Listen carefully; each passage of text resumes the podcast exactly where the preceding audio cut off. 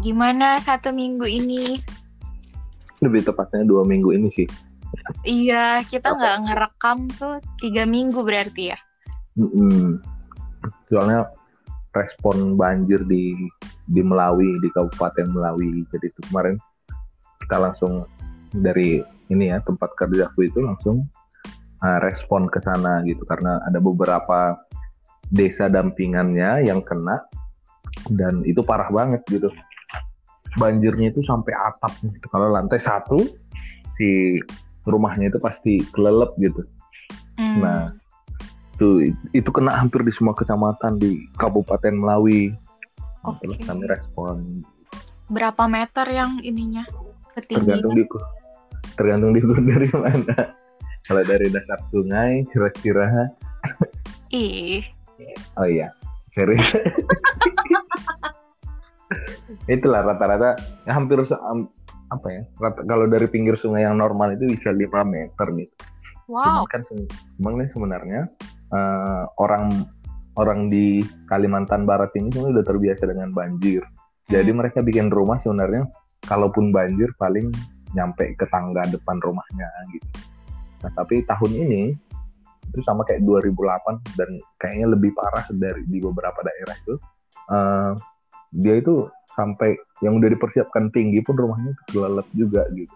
Hmm. Gitu makanya banyak, banyak banget yang terdampak gitu kan Mm-mm. itu bahkan di ibu kota kabupatennya itu parah banget karena dia itu eh, kayak muaranya gitu loh kayak pertemuan beberapa sungai Mm-mm.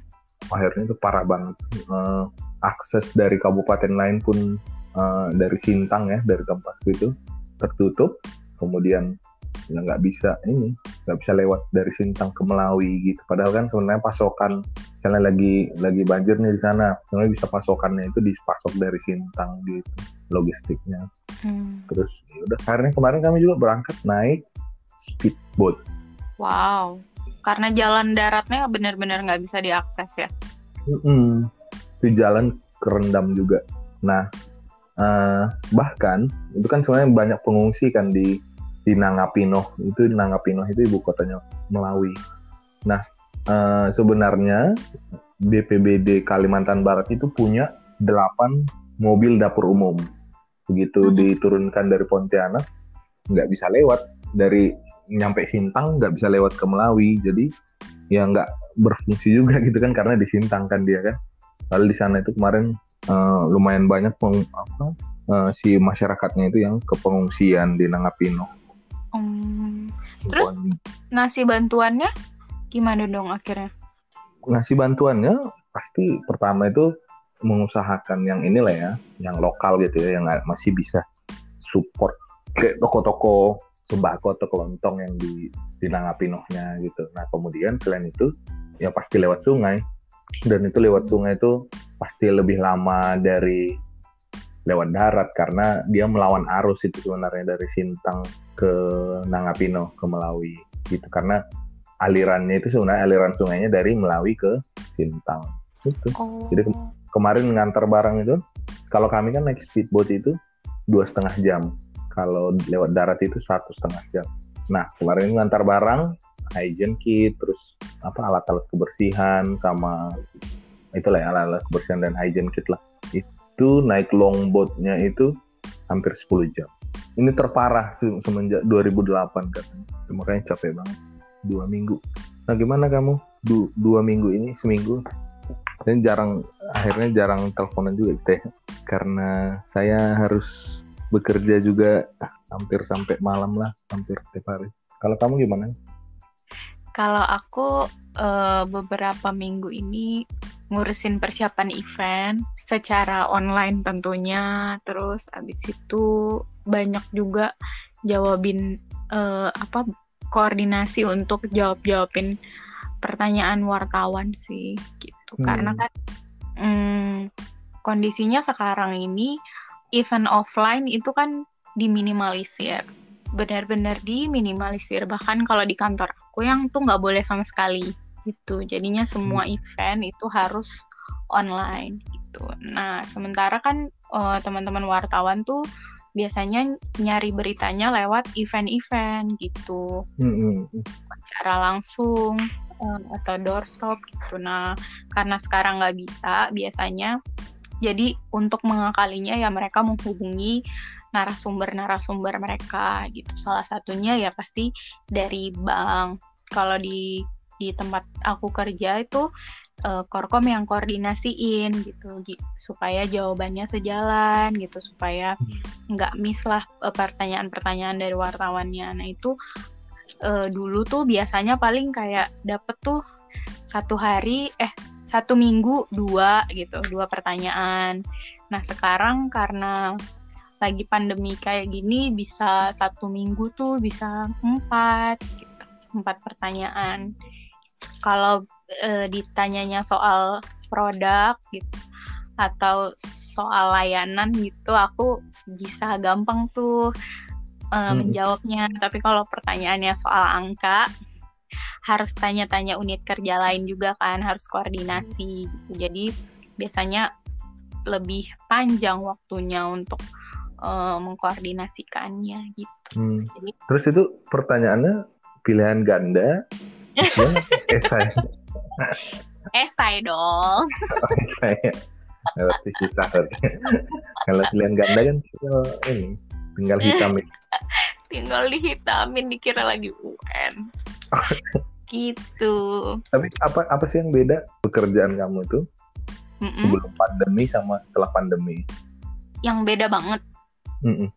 Itu biasanya kan kalau aku uh, aku kan ada di divisi corporate communication yang mm. nah untuk aku yang aku kerjain itu public relations.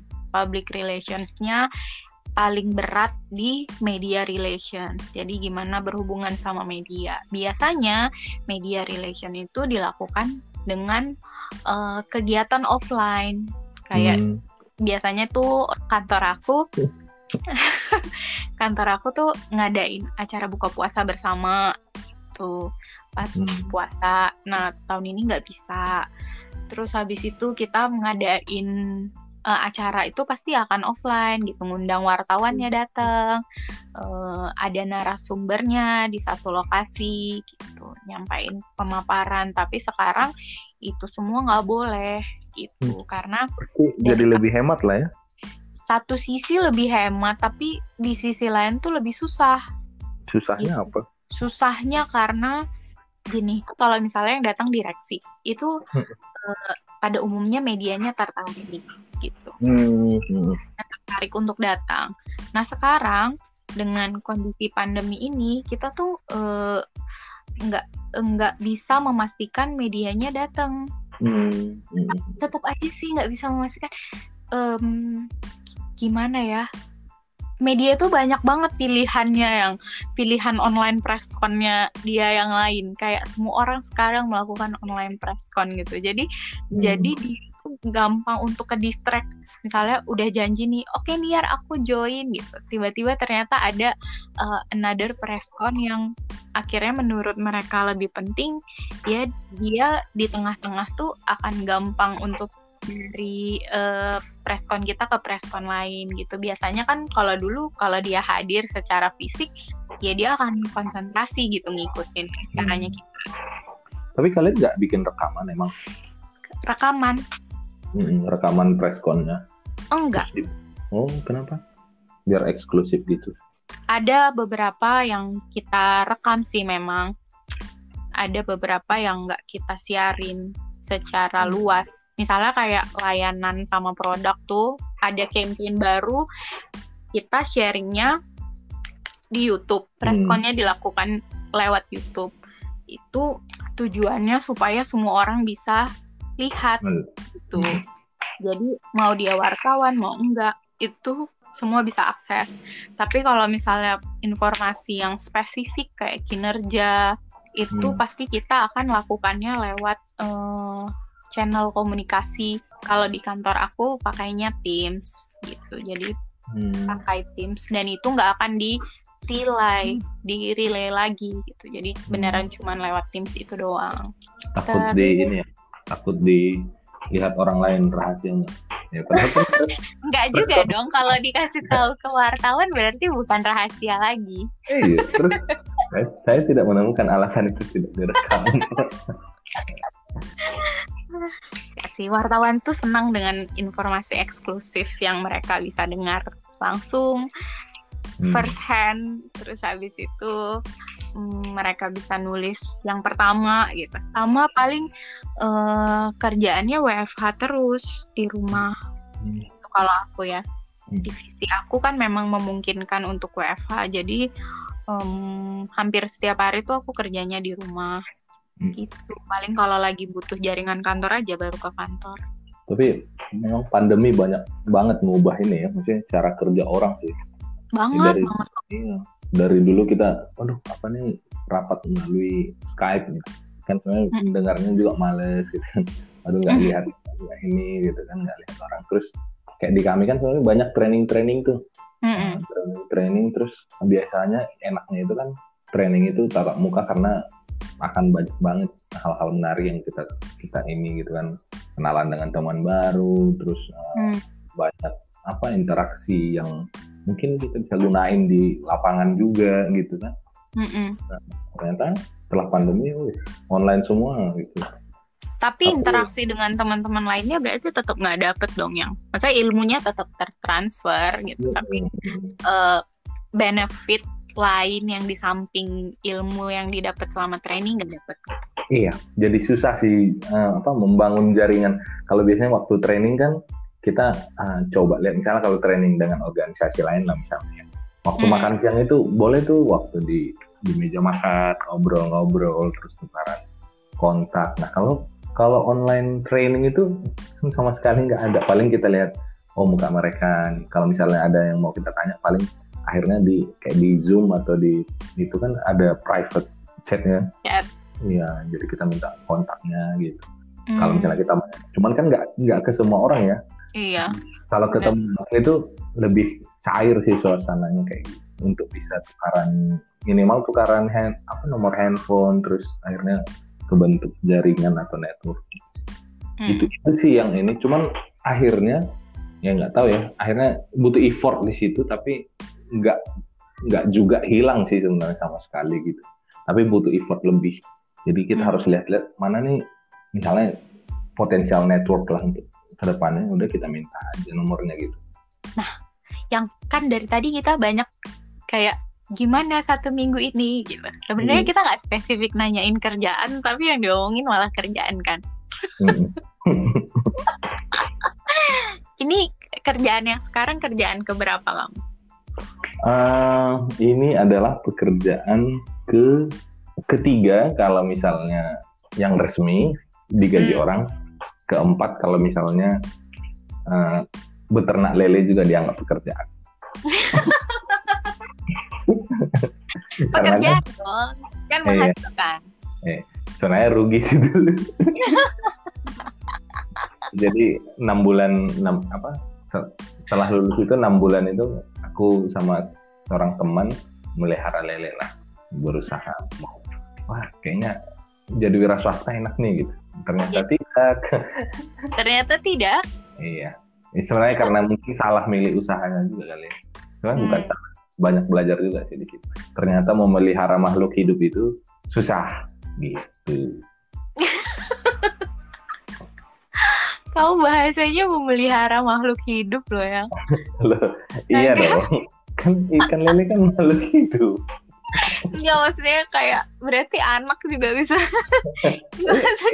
Itu, itu kan kenyataan. Memelihara anak itu susah. Iya. Memelihara lele itu susah.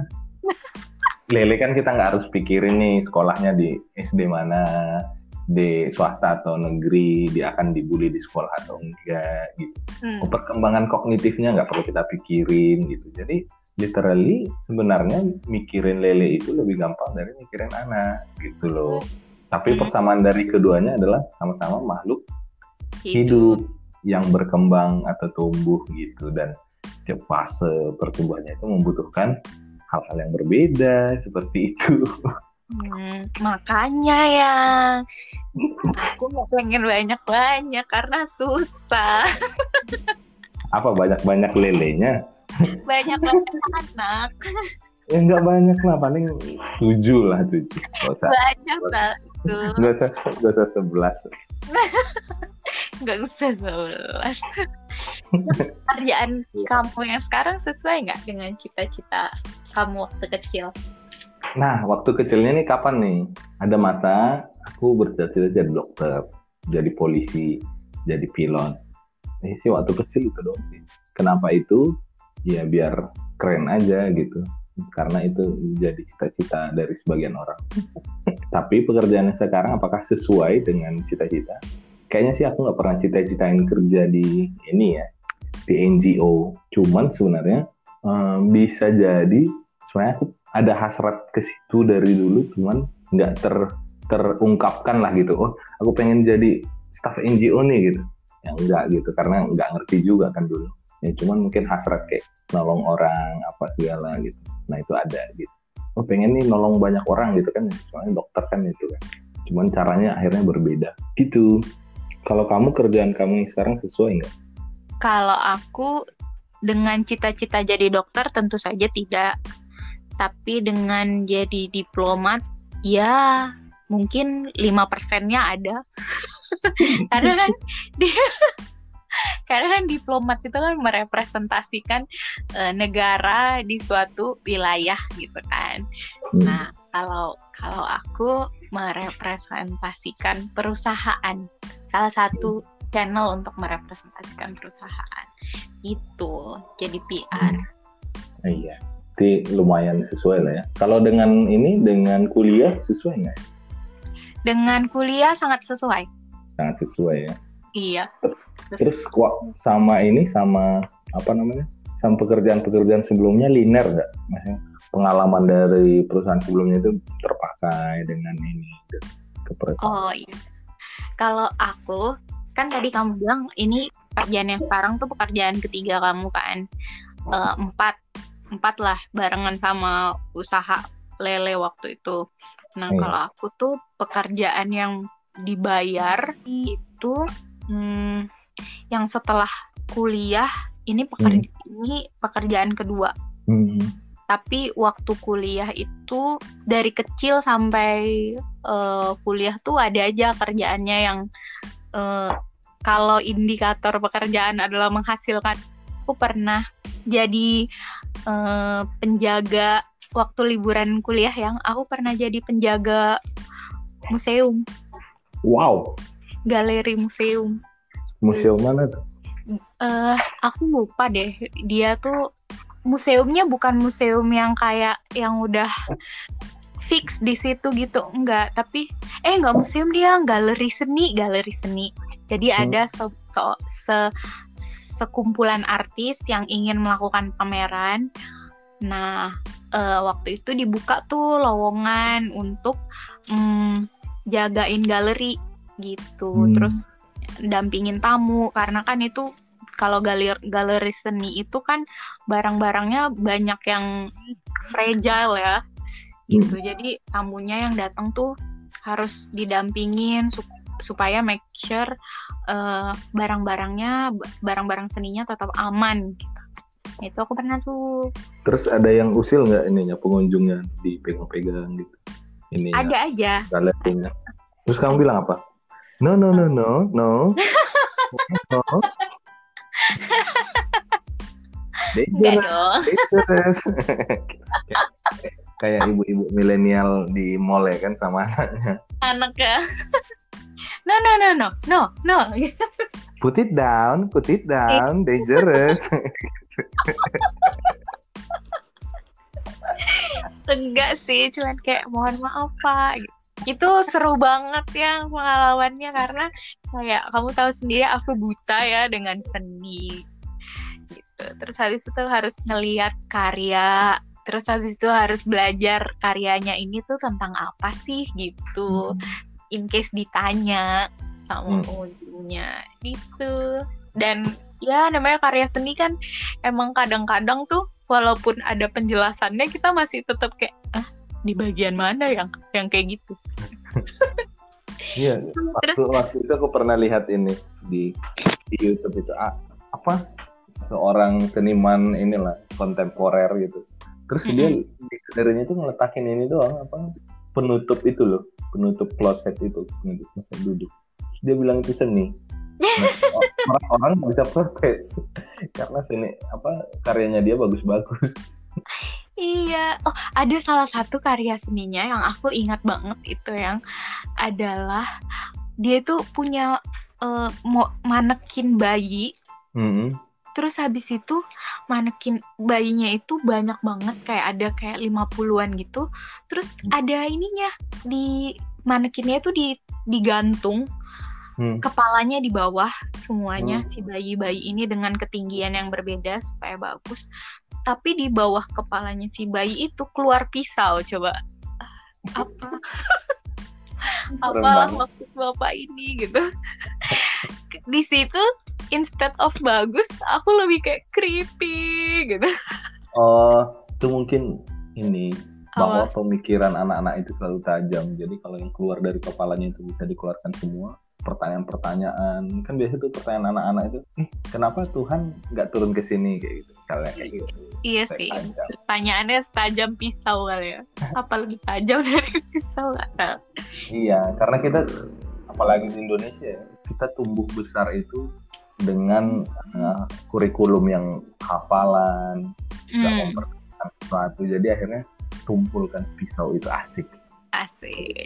Pemikirannya kita nggak suka bertanya. Kayak kalau anak-anak kan suka bertanya. Terus kalau ada yang aneh tuh ditanya itu kenapa. Gitu.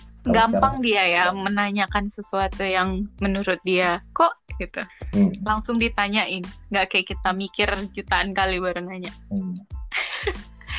Terus habis itu aku waktu selesai magang tuh yang aku pernah ini jadi media monitoring hmm. untuk satu PR consultant beberapa yang bulan. Yang lihat-lihat Facebook. Bukan. Twitter. Jadi aku dikasih clipping, clipping hmm. berita uh, yang jadi kliennya mereka banyak banget. Kayaknya ada ribuan clipping. Terus aku baca satu-satu, aku bikinin ringkasannya. Hmm. Itu kerjaannya. Tuh, terus saya, saya tidak akan betah di waktu itu. Nah, terus habis itu habis kerja aku jadi uh, account eksekutif di salah satu uh, PR consultant. Nah, berarti kamu di awal karir udah jadi ini dong ya? Apa? Exmood, Exmood. Eh, oh. Ketika muda. Kalau uh, indikator Exmood adalah kerja di Jaksel ya iya yang. Indikatornya itu doang. Tapi memang kalau di bank itu nama posisi itu keren-keren banget. Iya, tapi kan aku waktu pertama di ini, di konsultan. Iya, maksudnya in, di di industri kalian lah ya. Mm -mm. Pasti sepertinya mendengar posisi itu kayaknya keren banget. Iya, itu ada ininya, ada ada efek psikologisnya emang kayak yeah. menyampaikan jabatan gitu-gitu. Okay. Nah, uh, itu kerjaan pertama aku di jadi account eksekutif di salah satu PR consultant tuh lumayan lama yang kayaknya empat setengah tahun. Dengan satu uh, pada dasarnya melayani satu klien yang sama. Dari awal karir sampai aku meninggalkan uh, kantor itu satu klien bank dan dan yang memang aku pengen waktu itu jadi aku hmm. pertama kali wawancara tuh aku ditawarin perusahaan yang lain gitu hmm. terus aku bilang aku pengennya tuh klien yang ada di industri keuangan gitu jadi hmm. uh, kalau misalnya ada kliennya yang membutuhkan AE untuk industri keuangan ya aku uh, panggil lagi aja gitu sombong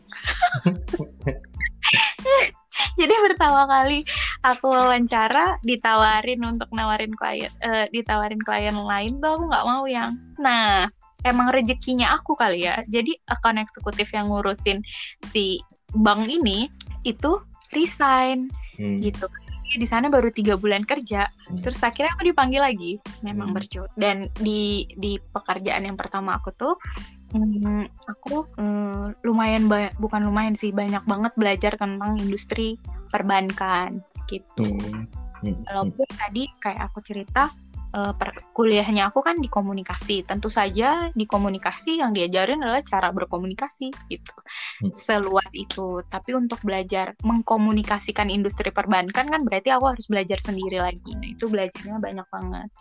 Terus habis itu setelah dari ke, ke dari pekerjaan itu empat setengah tahun baru aku hmm, di kerjaan yang sekarang pindah ke company jadi PR gitu. Udah hmm uh, bulan Maret 2021 aku tiga tahun yang nggak berasa ya.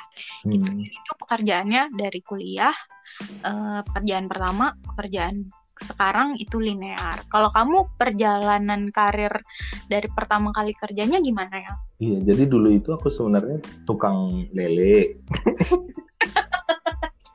Kayak tukang lele sih yang kayak peternak lele gitu. Oh enggak, ini peng pengasuh lele.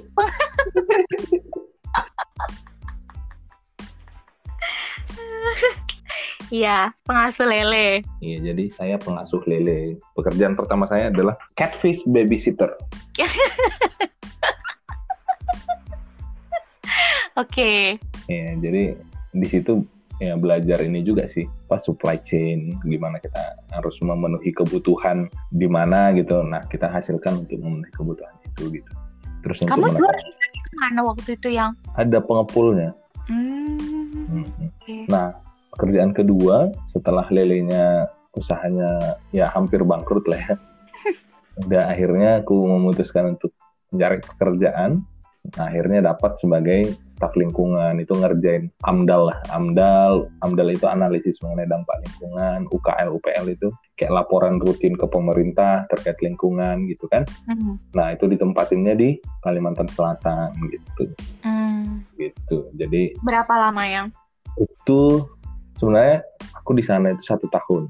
Habis itu kan uh, si adik adik yang bungsu itu si Lee kan masuk mau masuk kuliah akhirnya aku resign dari situ biar bisa nemenin dia ke Jakarta. Nah hmm. ternyata uh, akhirnya setelah dua bulan resign dipanggil lagi sama perusahaan itu. Gitu kerja di head office-nya. Megang subjek yang sama tapi seluruh Indonesia. Karena kebetulan waktu itu uh, apa aku orang pertama lah orang lingkungan di situ. Jadi yang ngerjain itu waktu itu manajernya di Jakarta itu manajer lingkungannya sustainability-nya itu mm -hmm. bukan orang lingkungan gitu. Jadi akhirnya aku ditempatin sebagai staffnya dia sebagai inilah ya akhirnya dia sebagai tim ahli lingkungan asik. Karena aku orang pertama di situ. Akhirnya aku megang itu juga title pekerjaannya kan uh, membuat orang bangga ya staff ahli. Ya padahal staff lingkungan namanya.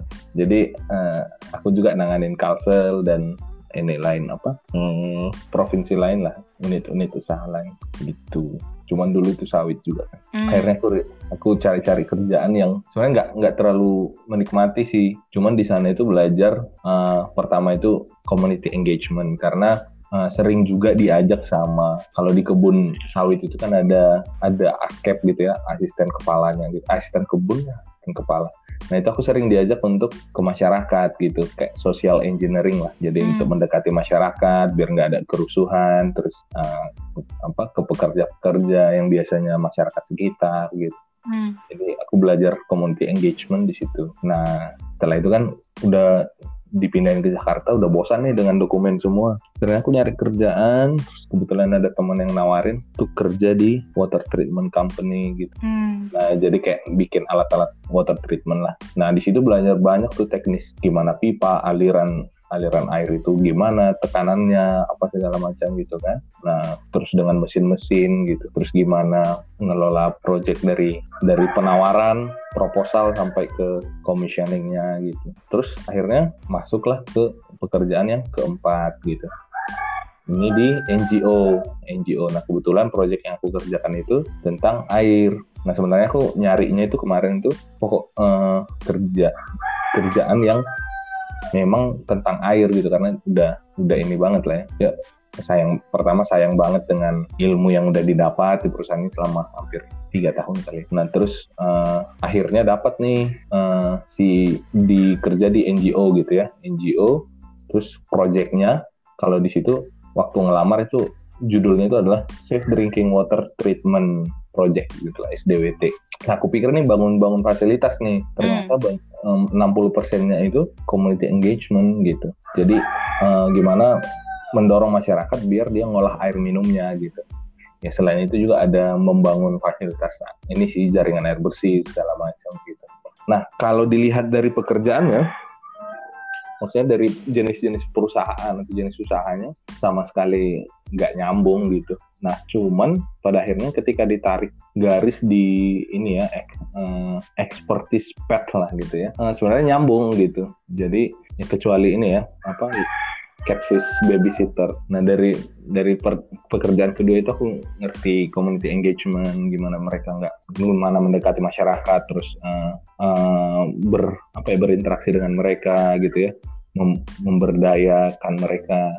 Kalau di pekerjaan pertama sih lebih memperdaya mereka, nah gitu. Nah habis itu pekerjaan kedua tentang ilmu airnya gitu. Nah kemudian pekerjaan ketiga di di NGO ini pekerjaan terakhir ini uh, aku banyak belajar juga akhirnya community engagement itu dikuatin lagi gitu kan sama teknisnya sebenarnya lebih ke menghubungkan teknis dengan kebutuhan yang benar-benar kebutuhan manusia kayak gitu. Misalnya kayak tanggap bencana kemarin gitu. Gimana memperhitungkan apa kebutuhan mereka apa respon yang harus pertama kali kita buat gitu gitu. Jadi uh, secara ilmu itu linear dan kelihatan walaupun tadinya nggak ngelihat jelas arahnya ke mana tapi akhirnya kita nyadarin oh ketika ngelihat ke belakang itu nyambung ya gitu. Kalau Nah, tadi tuh aku nanya yang kan kan kalau dari pekerjaan pertama sampai yang sekarang tuh adalah nyambungnya. Kalau sama kuliah kamu? Kalau kuliah nyambung banget. Hmm. Kecuali yang tentang itu ya NGO dan community engagement itu. Jadi uh, pelajaran di kuliah itu kepake banget,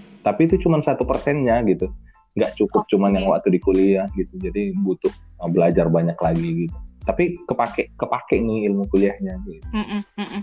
Nah, kalau bicara tentang ini sih sebenarnya kerjaan. Kalau ngelihat di pandemi balik lagi ya ke masa pandemi kan kita nyadarin lah di kantor masing-masing itu. Sekarang itu mungkin ada banyak perubahan terus ada banyak posisi-posisi yang hilang.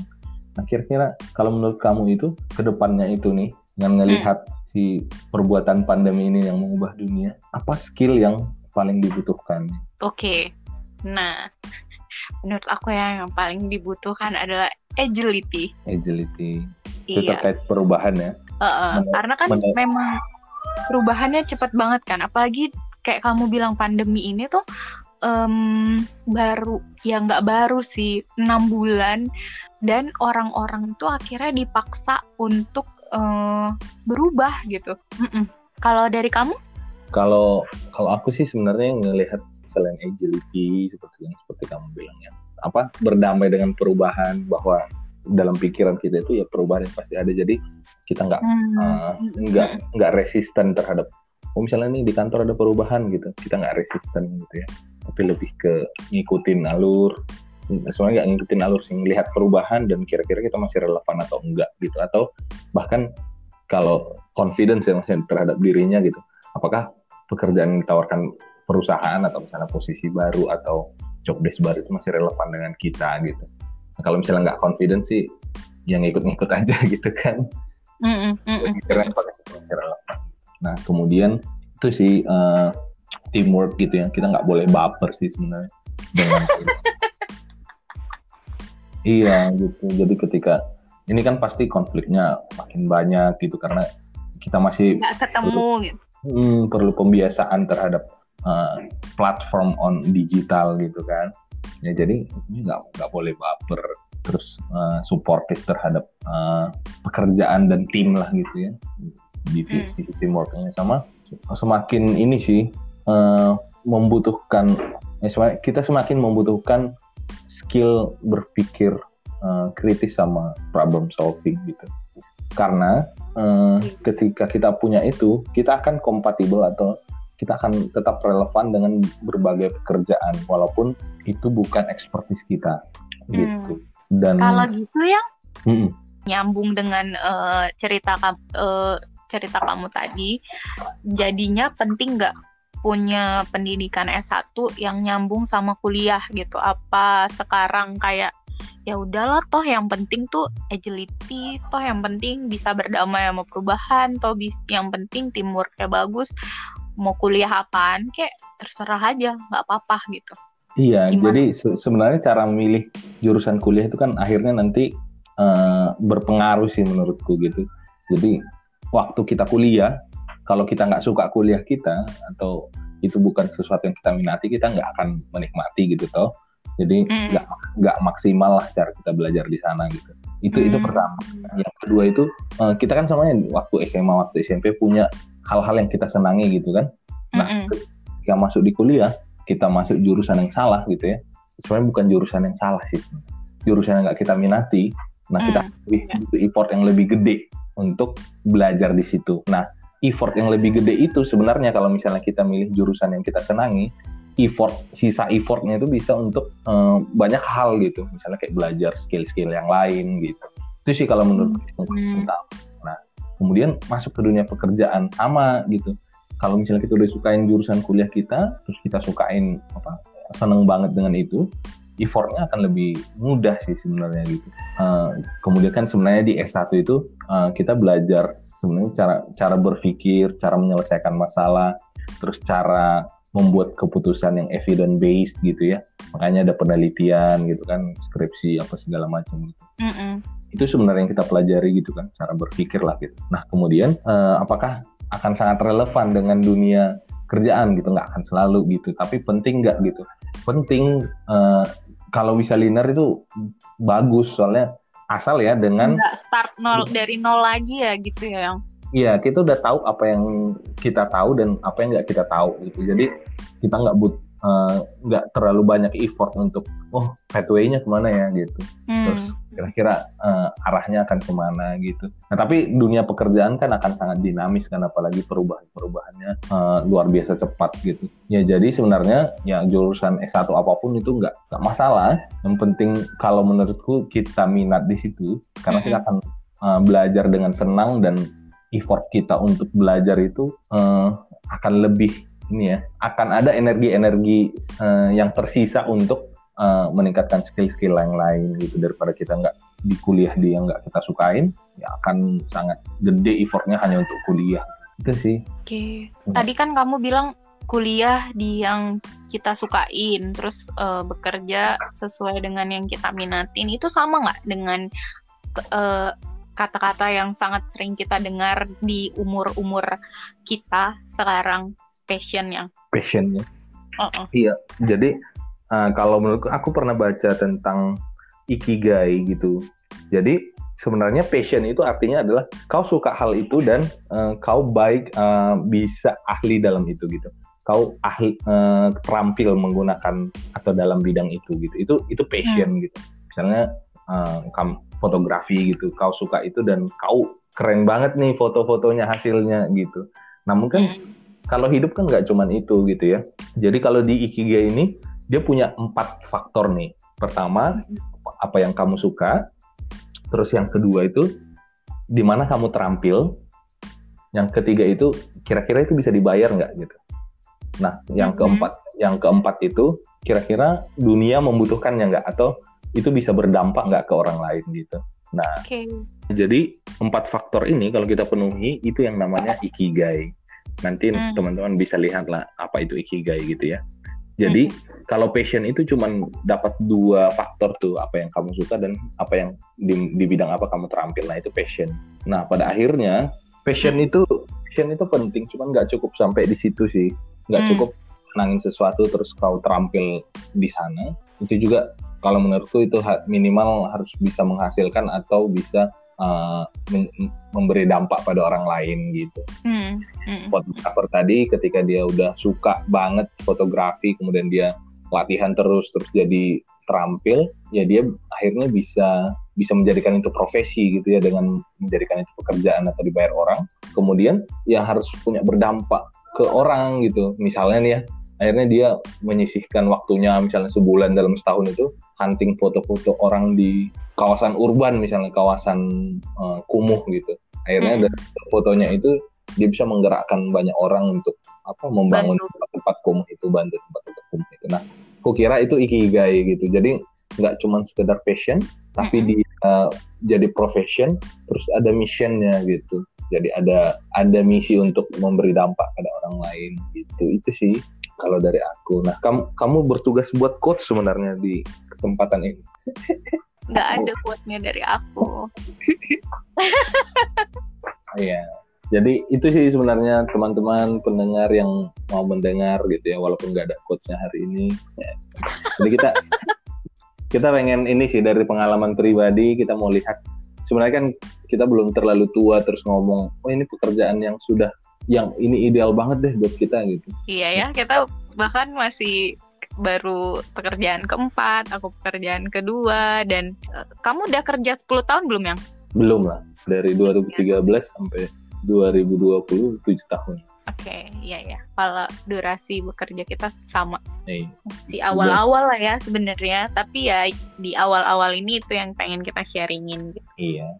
Dan itu sih mudah-mudahan uh, teman-teman punya ini juga ya dapat sesuatu lah gitu.